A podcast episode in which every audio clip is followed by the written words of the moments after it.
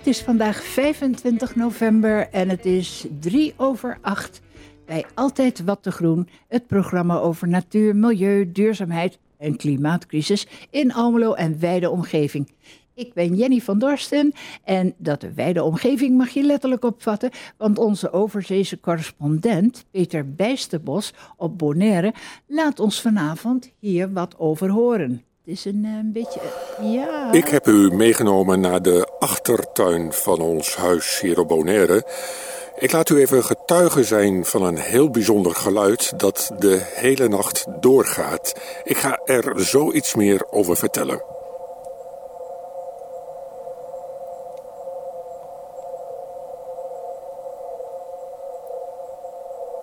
Ja, dat is een merkwaardig geluid, hè? Ja, wat zou het zijn? Nou, dat hoor je later wel in de uitzending. De dagen worden korter, de nachten langer en wanneer het een onbewolkte hemel is, is er van allerlei interessants te zien. En als je als leek meer wil weten dan al die sterren, nou dan word je lid van Astrona, dat is Astronomie Onderwijs Almelo. En dat is een groep enthousiaste amateur-astronomen die hun interesse en kennis van de sterrenkunde willen delen met jong en oud in en om Almelo. Edwin Saring van Astrona gaat ons straks vertellen wat er in december aan die nachtelijke hemel te zien is. Nou, je hebt het vast wel eens gehoord dat het aantal insecten wereldwijd met een kwart is afgenomen. En dat is ernstig, want dat heeft grote gevolgen. De afgelopen 30 jaar dan. Hè? En Nederland behoort tot de plekken waar het er veel slechter aan toe gaat in vergelijking met het wereldwijde gemiddelde. Vanavond gaan we het hebben over één ervan en dat is de bij. Niet zozeer de wilde bij, gaan we het ook wel even over hebben, maar die waarvan we honing winnen. En bij ons is Karin de Jonge van Imkervereniging Het Iemerschoor en zij zal ons na de muziek erover vertellen.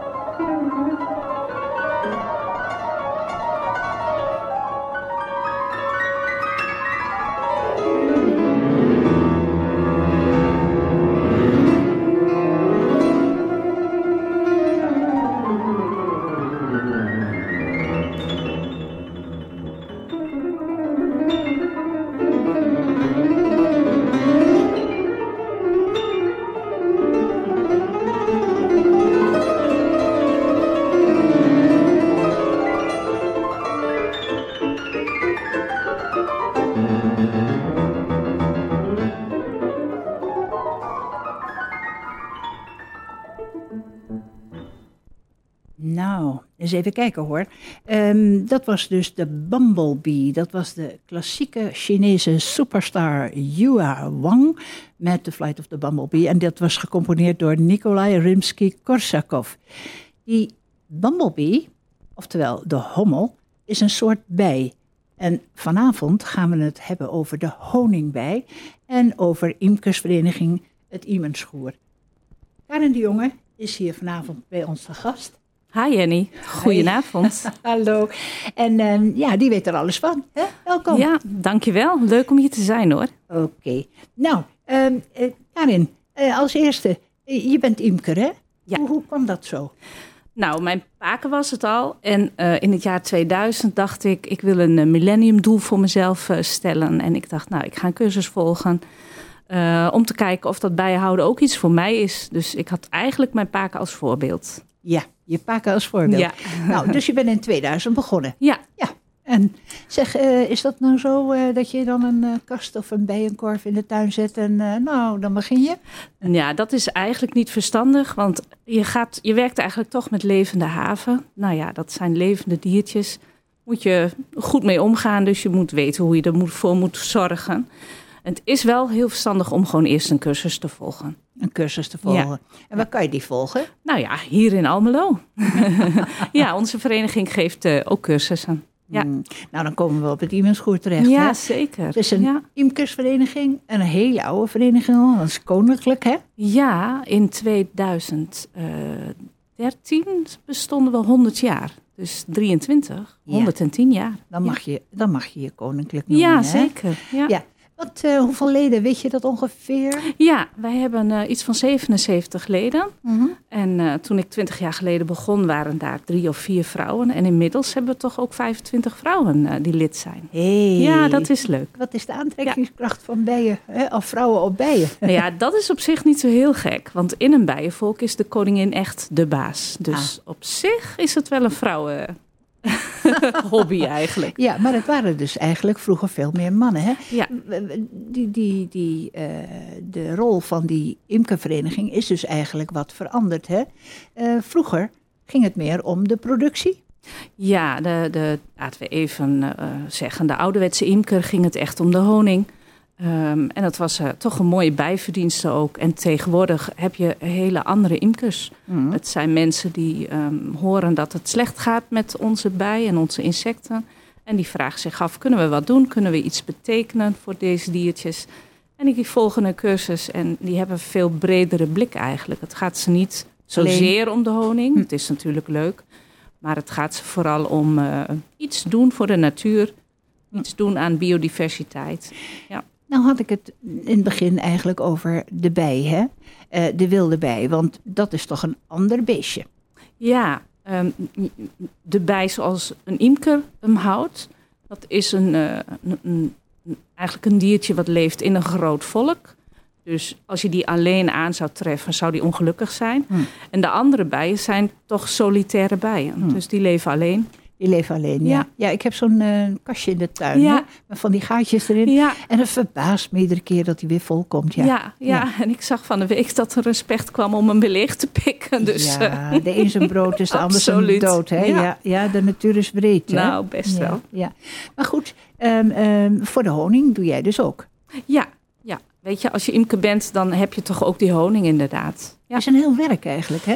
Het Ja. is niet meer zoiets van, eh, nou, een schoteltje water in de eh, suikerwater neerzetten. Nee. Nee, hoe gaat dat een beetje? Ja, nou, het ligt ook aan het jaar. Kijk, heb je een jaar met mooi weer en veel dracht, dan, eh, ja, dan moet je echt wel die honing eruit slingeren. Die Ja. moet je eruit slingeren, ja. Ja.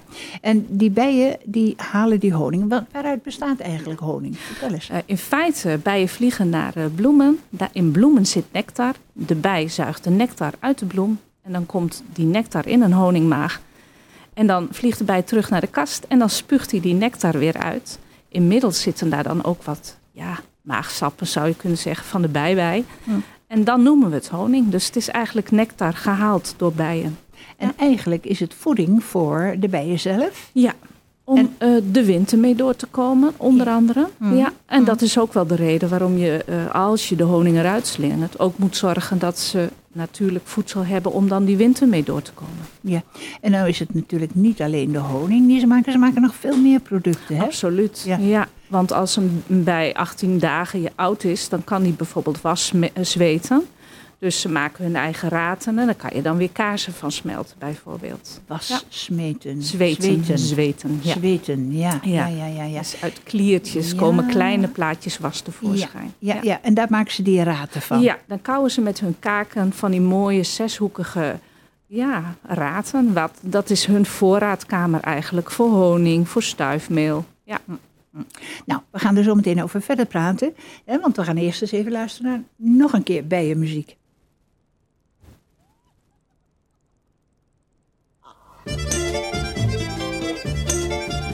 Als ik bloemen krijg, dan ben ik al zo blij. Want ik hou zo van een weelderig boeket. Als ik jarig ben, de 17e mei, word ik altijd in de bloemetjes gezet. Maar bij ieder groot boeket, het geeft niet welk, kijk ik heel voorzichtig diep in elke kelk. Want in ladies en zo voort zit vaak een bij. En de meeste keren komt die bij bij mij. Bent u ooit wel eens gestoken door een bij? Was het net zo'n grote bij als die bij mij? Nou, bij mij was het een kanjer en hij zat achter een anjer. Bent u ooit wel eens gestoken door zo'n been? Ik weet nog al zo goed de allereerste keer dat mijn Utrechtse verloofde bij mij kwam. Het was avond, het was heerlijk zomerweer. En we aten eerst een krantenboterham. Het was voor allebei de eerste liefdesnacht. Hij was o zo teder voor me en zo zacht. Ik had een heel eenvoudig bloempje uit het veld. Op mijn nieuwe blauwe baby doorgespeld. En hij zei, toen hij me in zijn armen nam. Auw! Bent u ooit wel eens gestoken door een bee? In uw duim of hier op zee of in uw dee? Is dat ook zo op gaan zwellen? Nou, ik kan u wel vertellen, het was gewoon een hele luchtballon bb.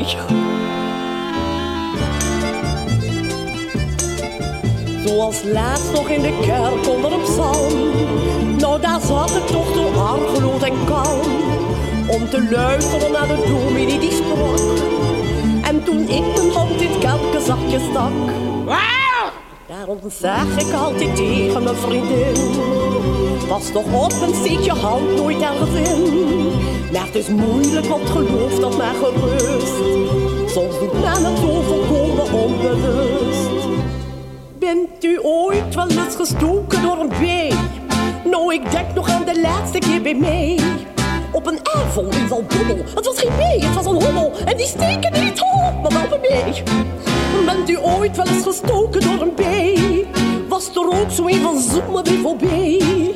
In augustus in de duinen was het ook zo'n grote bruine. Nou, dat was dezelfde bee als die bij mij. Bent u ooit wel eens gestoken door een bee? In het bos of in de wei of op de hei? Was dat ook ontzettend pijnlijk? Nou, dan was het hoogwaarschijnlijk net zo'n akelige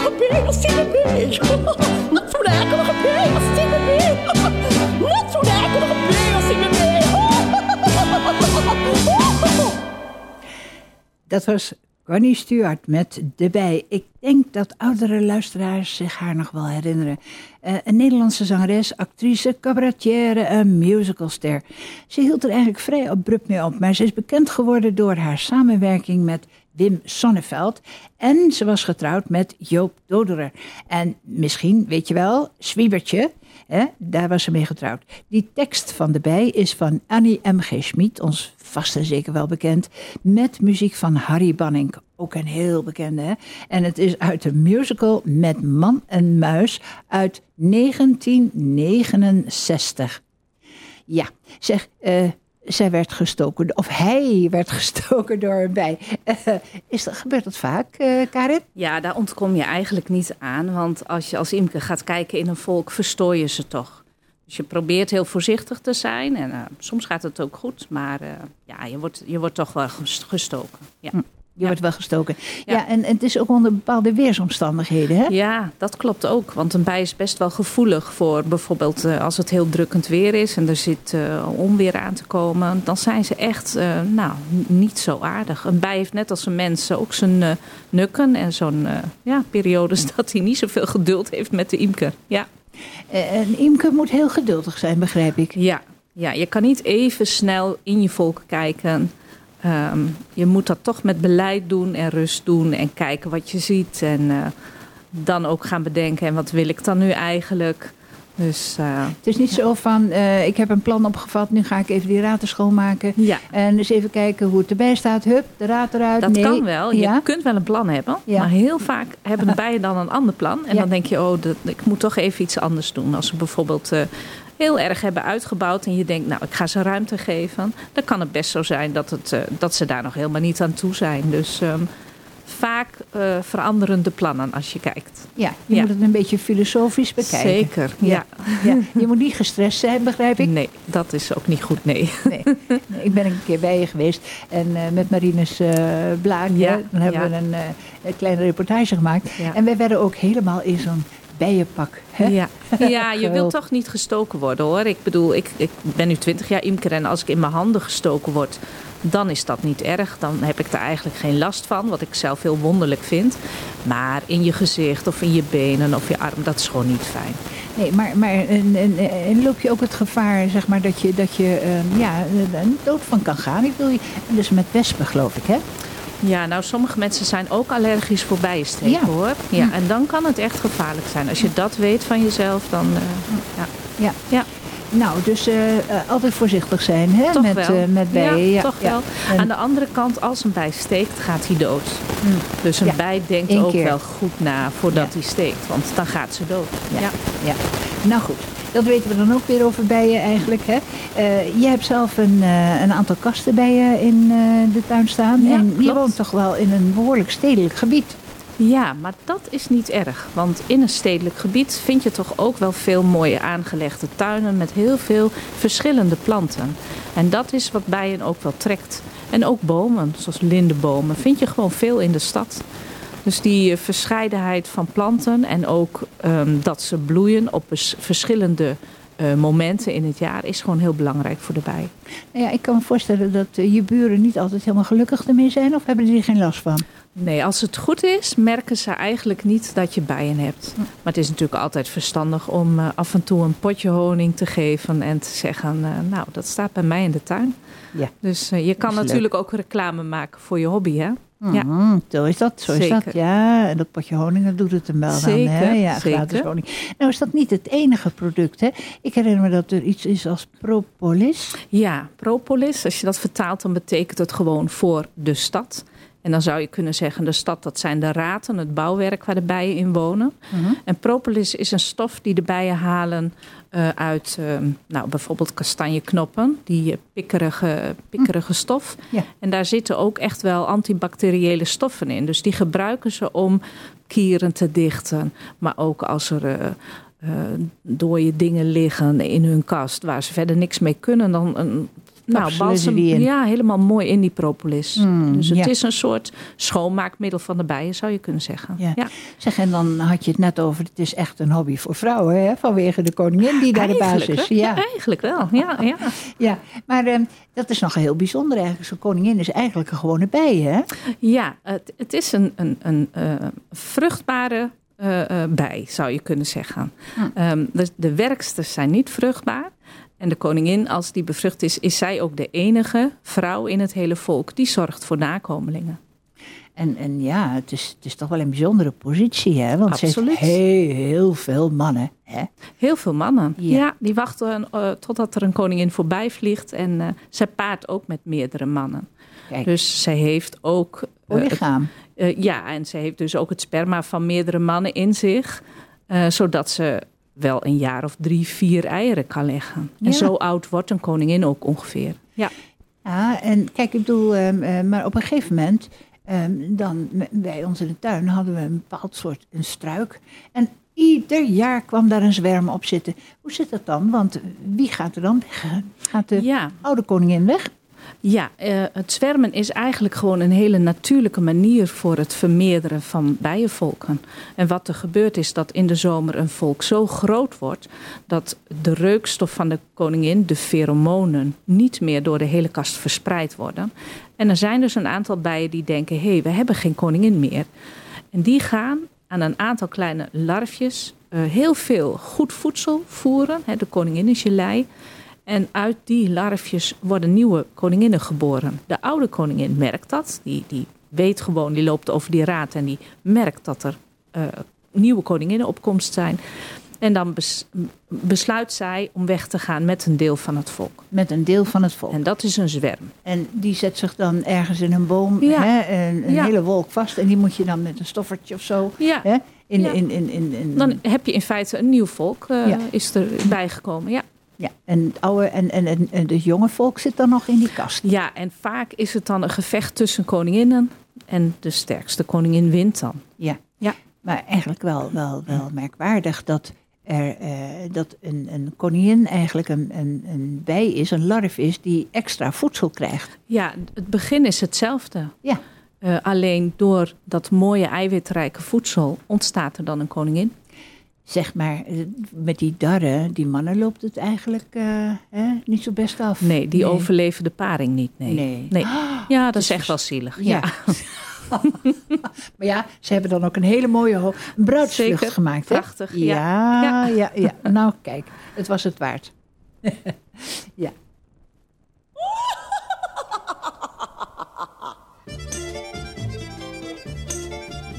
Als ik bloemen krijg, dan ben ik al zo blij.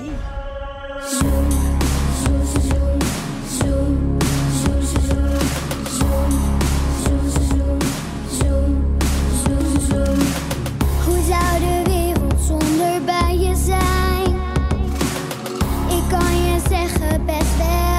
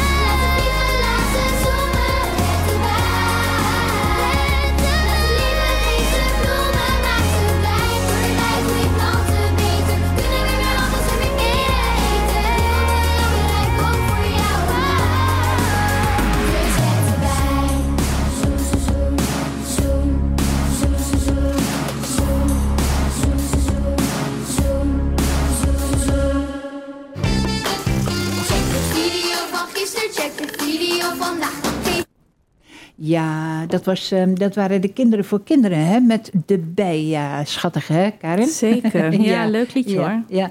Nou ja, ik wou het eens even hebben over, over educatie, hè? Ja. Ehm, eh, het Goed doet hij aan eh, ja, onderwijs, eh, aan cursussen, aan... eh, Ja, wij hebben in ieder geval cursussen voor volwassenen. Maar we hebben ons ook wel als doel gesteld om eh, voor kinderen ook eh, iets te doen. Weet je, Eh, vaak vinden kinderen eh, insecten e- eng. Alles moet meteen dood. En dat is natuurlijk niet de bedoeling. En als je meer weet van insecten, dan snap je ook hoe het werkt. En eh, zo'n bij eh, steekt dus ook niet zomaar. Dus eh, ja, is wel belangrijk om daar iets aan te doen. ja. Gaan jullie naar scholen toe? Of heb je... Ja, in het verleden zijn scholen wel bij ons in Windmolenbroek bij de verenigingsstal geweest. Dat is al wel weer een tijdje geleden. Ehm, maar ehm, eh, we willen ook wel heel graag dat eh, bijvoorbeeld, eh, nou ja, we hebben nu een nieuwe stallen aan de Pezen, dat daar kinderen komen en dat ze ze iets kunnen laten zien. Eh, een film of eh, dat we ze echt een bijenvolk kunnen laten zien. Dat is natuurlijk het mooiste. Ja. Nou, voor het geval er zijn eh, collega's, hè, dus docenten zijn. Ik had helemaal vergeten te zeggen dat je docent aardrijkskunde Ja, bent aan het ja, Noordik. Ja, zeker. Nou, dat hierbij. maar voor het geval er dus collega's zijn van de basisscholen of nou ja, voortgezet onderwijs. Waar zit de Pezen? De Pees is als je richting Bornebroek gaat. Dus vanuit Almelo naar Bornebroek. En dan eigenlijk is het meteen de eerste weg. Recht, meteen weer rechts. Er staat een hele mooie eh, boerderij. En bij die boerderij is een heel mooi, eh, mooie bijstal gebouwd. Ehm, en in de boerderij zelf hebben we ook onze eigen slingerruimte. Die is gemaakt door een aantal vrijwilligers. Echt heel erg mooi geworden. Zodat we ook eh, onze leden daar hun honing kunnen laten slingeren. Mhm. Want als je begint met bijhouden, het is best wel prijzig hoor. Je Ja. moet heel veel spullen aanschaffen. Ja. Dus eh, ja, ja. wou ik eigenlijk vragen. Ja. Is het een eh, dure hobby? Ja, best, best wel. Je staat er niet zo bij stil. Maar op een gegeven moment denk je van ja, dan moet ik eigenlijk ook wel een slinger hebben. En eh, nou, dat is al een behoorlijk duur apparaat. Eh, ik, ik, ik deel bijvoorbeeld de slinger met een collega imker. En eh, niet iedereen kan dat natuurlijk. Dus dat is fijn dat je dat soort spullen kunt gebruiken eigenlijk. Ja, Die, die raten kan je weer hergebruiken, hè? ja, Ja. die kun je weer hergebruiken. Je kunt er was smelten en nieuwe raten van maken. En eh, nou, dat is ook de bedoeling dat we dat gaan doen met onze leden. Want dat laat je niet door Ja. die bijen doen, die raten. Maar dat, dat is meer iets... eh, Ja, nou, je, hebt, je kunt in de winkel dan voor imkers kun je kunstraad kopen. Maar het is natuurlijk leuker om je eigen was om te smelten tot nieuw raad voor je bijen. En dan is ook de cirkel eh, gesloten. Dan komt er geen vreemd spul van buiten, zeg maar, in je eigen bijenkast. Nee. Dus dat is wel mooi. Hoe vaak slinger je nou? Dat ligt dus heel erg aan de zomer. Heb je een hele mooie zomer, de linde bloeit en de bijen vliegen en, en de paardenbloem bloeit, alles bloeit heel mooi en het is heel erg mooi weer, dan kun je wel drie of vier keer in een jaar slingeren. En iedere Ja. keer een andere soort honing? Ja, ook dat. Wij Ja. hebben in onze vereniging eh, één keer per jaar een eh, honingkeuring.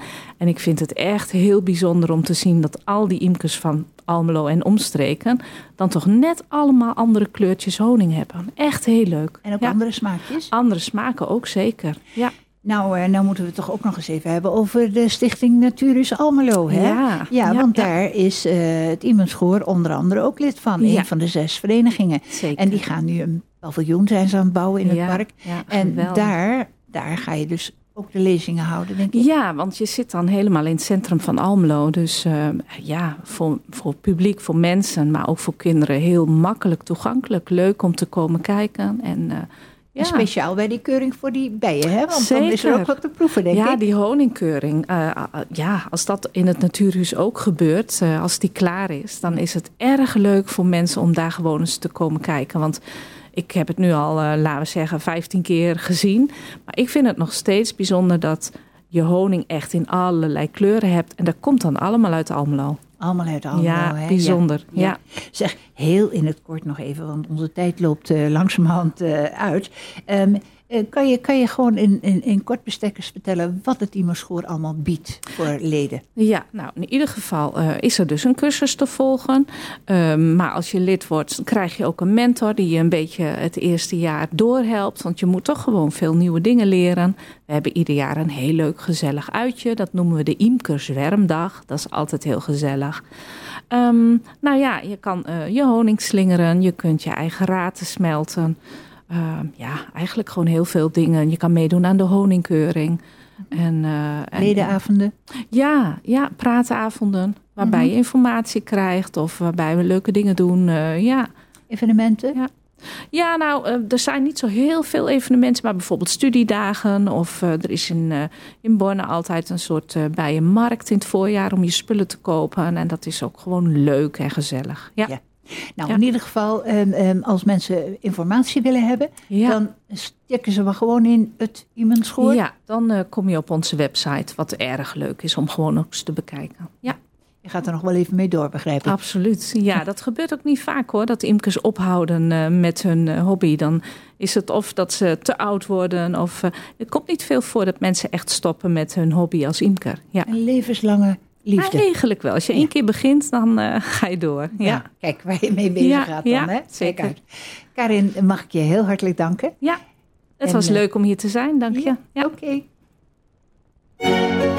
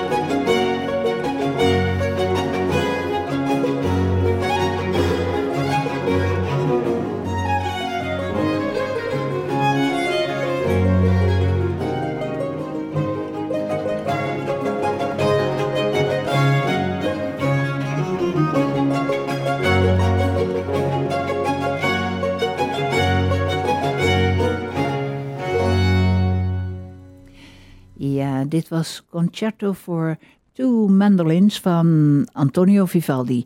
Strings en basso continuo. En het werd gespeeld door de Noor Rolf Lieslevant. Ik hoop dat ik het goed uitspreek. Ja, en dan dat geluid van het begin.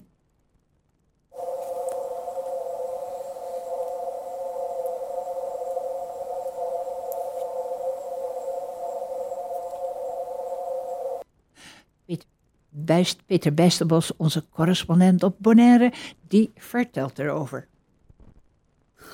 Bonaire is een droog eiland. Het kan maanden achter elkaar niet regenen.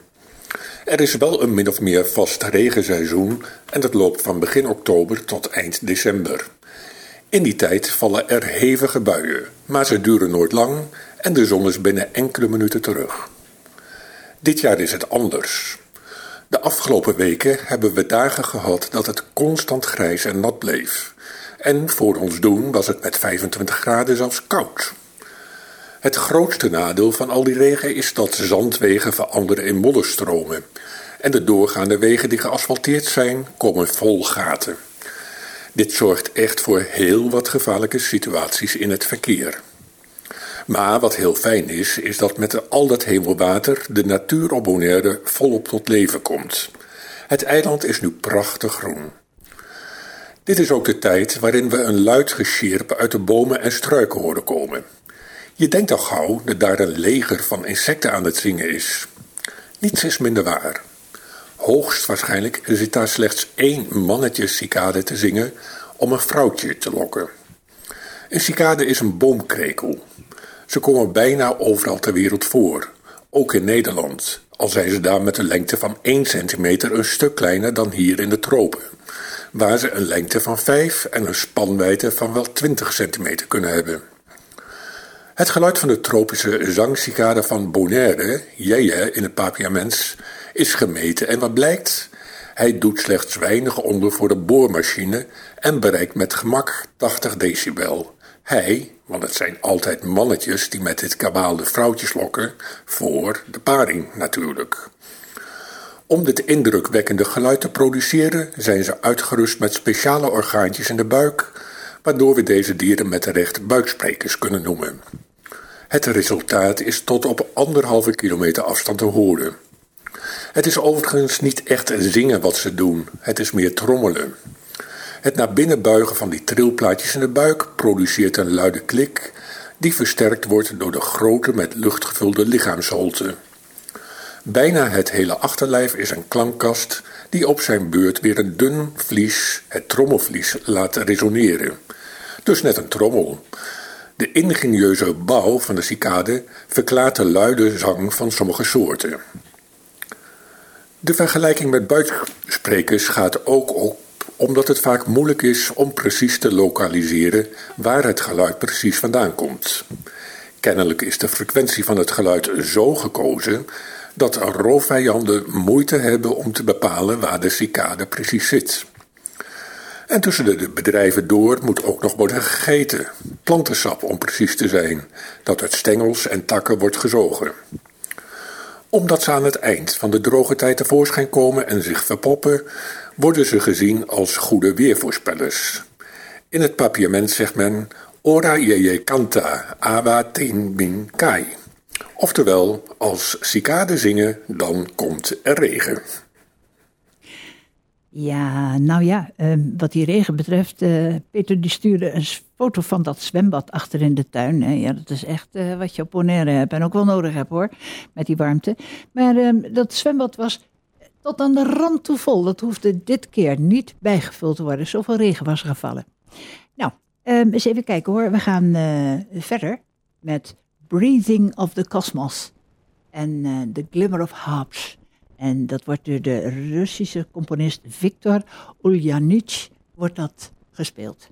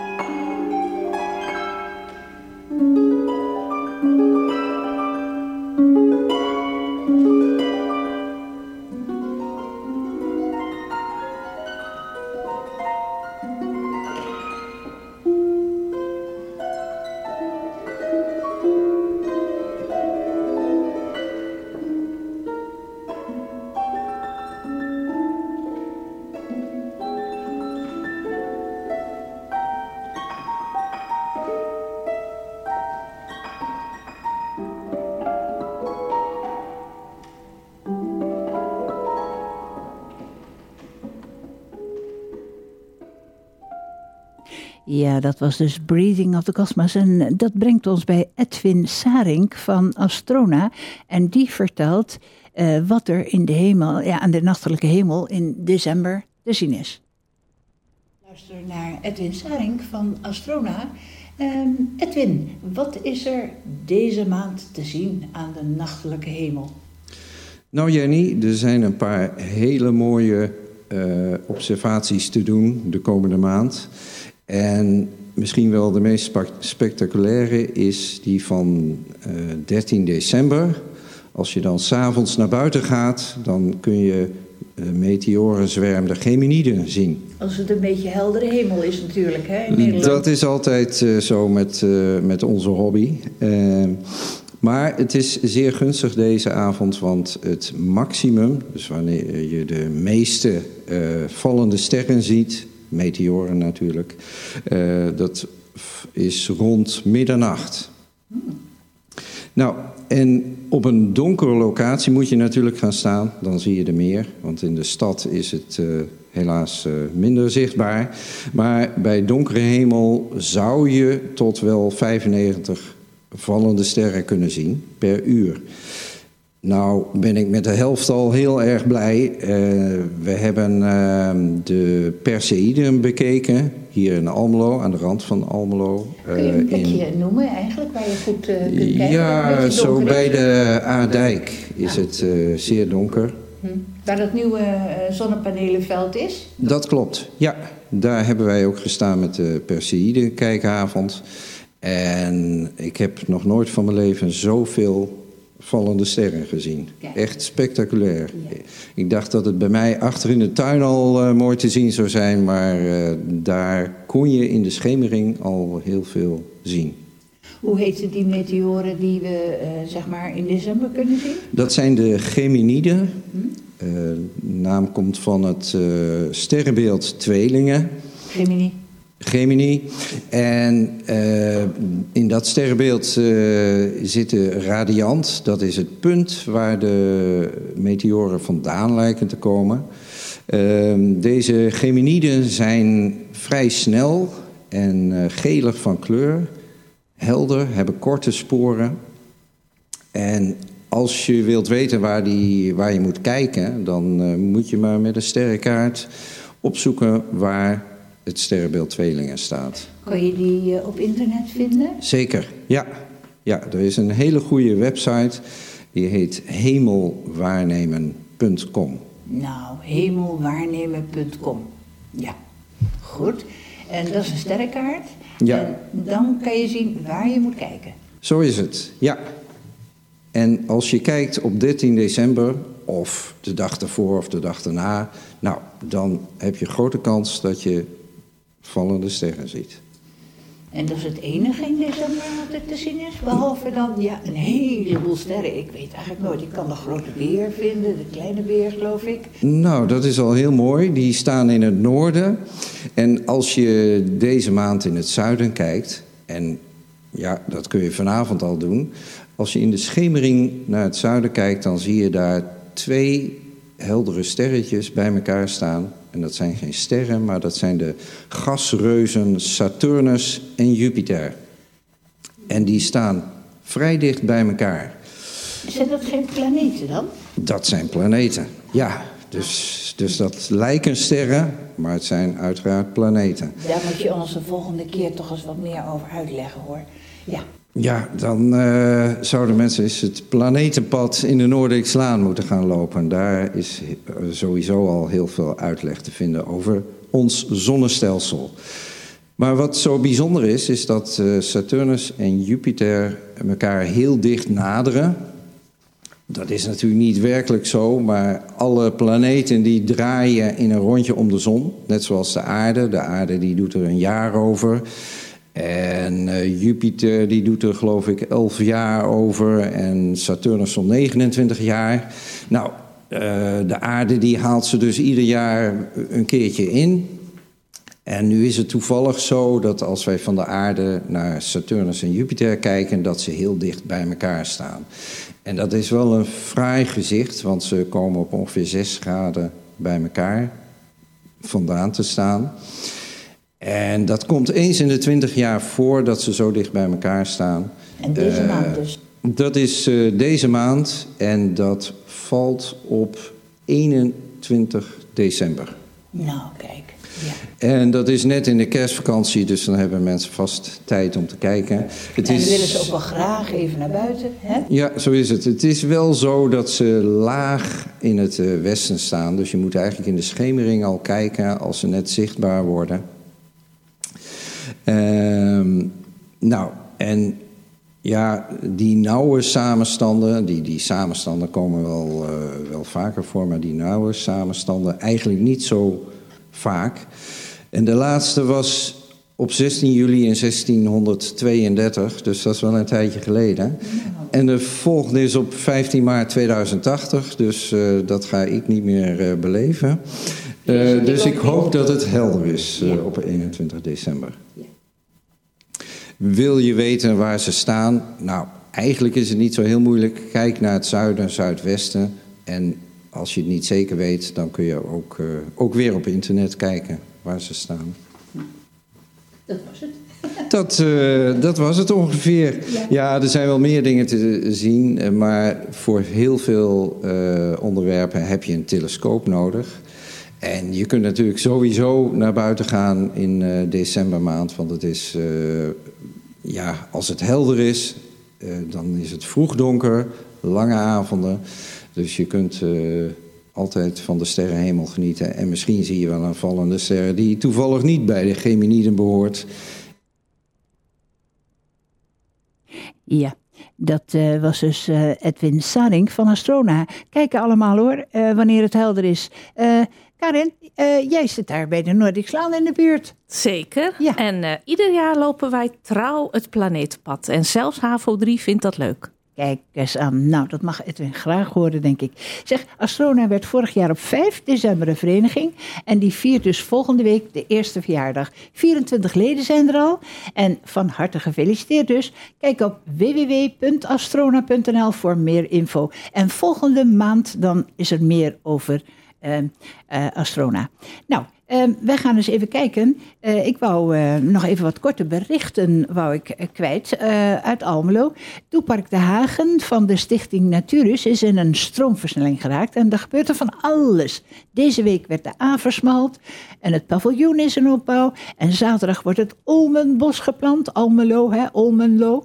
En dat allemaal door vrijwilligers. Meld je aan. Ze kunnen nog meer mensen gebruiken en het is er erg gezellig. Stichting Almelo Parkstad begint deze maand met het opknappen van het Louise ten Haafden plantsoen. Dat is vlakbij het station Almelo de Riet.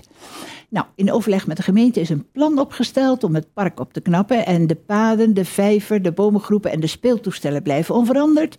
Eh, dat opknappen bestaat voornamelijk uit het inzaaien van bloemenmengsels en een betere graslaag. En ook wordt de zichtbaarheid van de vijver verbeterd, de overs worden opgeschoond enzovoort. En ze kijken ook of de banken misschien op een betere plek moeten. En ja, of sommige hekken of toegangspoorten overbodig zijn. Eh, over maatregelen om de vogelstand, die ook daar zwaar achteruit is gegaan, eh, om die te verbeteren, daar wordt niets van vermeld. Nou, wellicht komt dat nog. En tenslotte een bericht over de groene twinkeling. De groene twinkeling. Ja, twinkelende ogen. De groenste prijs voor ondernemend Overijssel. De winnaar, de winnaar van de groene twinkeling ontvangt naast de onderscheiding een cheque ter waarde van 1000 euro. Dat is een heel bedrag, mensen. En bedrijven die een wezenlijke bijdrage leveren aan de biodiversiteit van Overijssel, die kunnen zich tot 30 november, nog vijf dagen dus, aanmelden via www.groenetwinkeling.nl. Nou, ik denk als je bij Google groene twinkeling in, in, in tikt, dan kom je er wel. En je mag ook een ander bedrijf dan dat van jezelf, eh, mag je, eh, zeg maar, eh, eh, nou, melden, hè, daar. Ehm, ja, eens even kijken hoor. We komen zo langzamerhand aan het eind van deze uitzending. Hè. Eh, die komt een beetje in zicht. Maar we gaan eerst nog eens even naar muziek luisteren.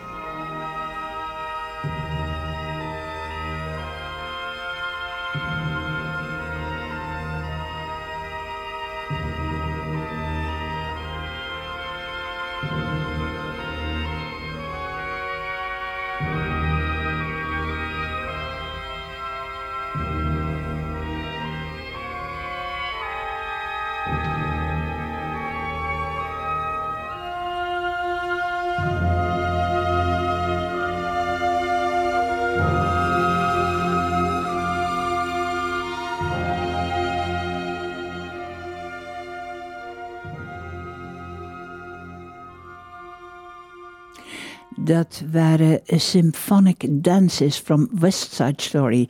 Eh, de finale, het adagio, door de New York Philharmonic. En die is werd gedirigeerd door Leonard Bernstein. Ja, eh, het eind van eh, deze uitzending is in zicht. Wij danken onze gast Karin de Jonge van het Team Schoor. Eh, technicus Manfred Dijkslag. Muziekmeester Stefan Severin. Edwin Saring van Astrona en Peter Bijsterbos vanaf Bonaire. Deze uitzending is nog eens te horen op AVM op aanstaande zondag 29 november van 6 tot 7 uur en als podcast. Gewoon op Google intikken, altijd wat te groen. En dan is er een link, link naar Springcast, waar dus de podcast te vinden is. Ja, je kan natuurlijk ook op AVM kijken en dan bij programma's en dan bij Altijd Wat te Groen. En dan vind je hem ook ergens aan de linkerkant. Ehm, we gaan er vanuit met een, we gaan eruit met een fragment van Morning Twilight. En ja, ik, ik mis dat toch wel hoor, in de winter die eh, zang van vogels. En dit is een bijzondere vogel, de nachtegaal. En het werd opgenomen door Henk Meeuwsen. Dat is een hobbyist die zichzelf bezighoudt met geluiden van de natuur en ze ook nog vastlegt op de plaat. Dank voor het luisteren. Ik ben er weer op woensdag 30 december om 8 uur op AVM bij Altijd Wat te Groen. Tot dan. thank you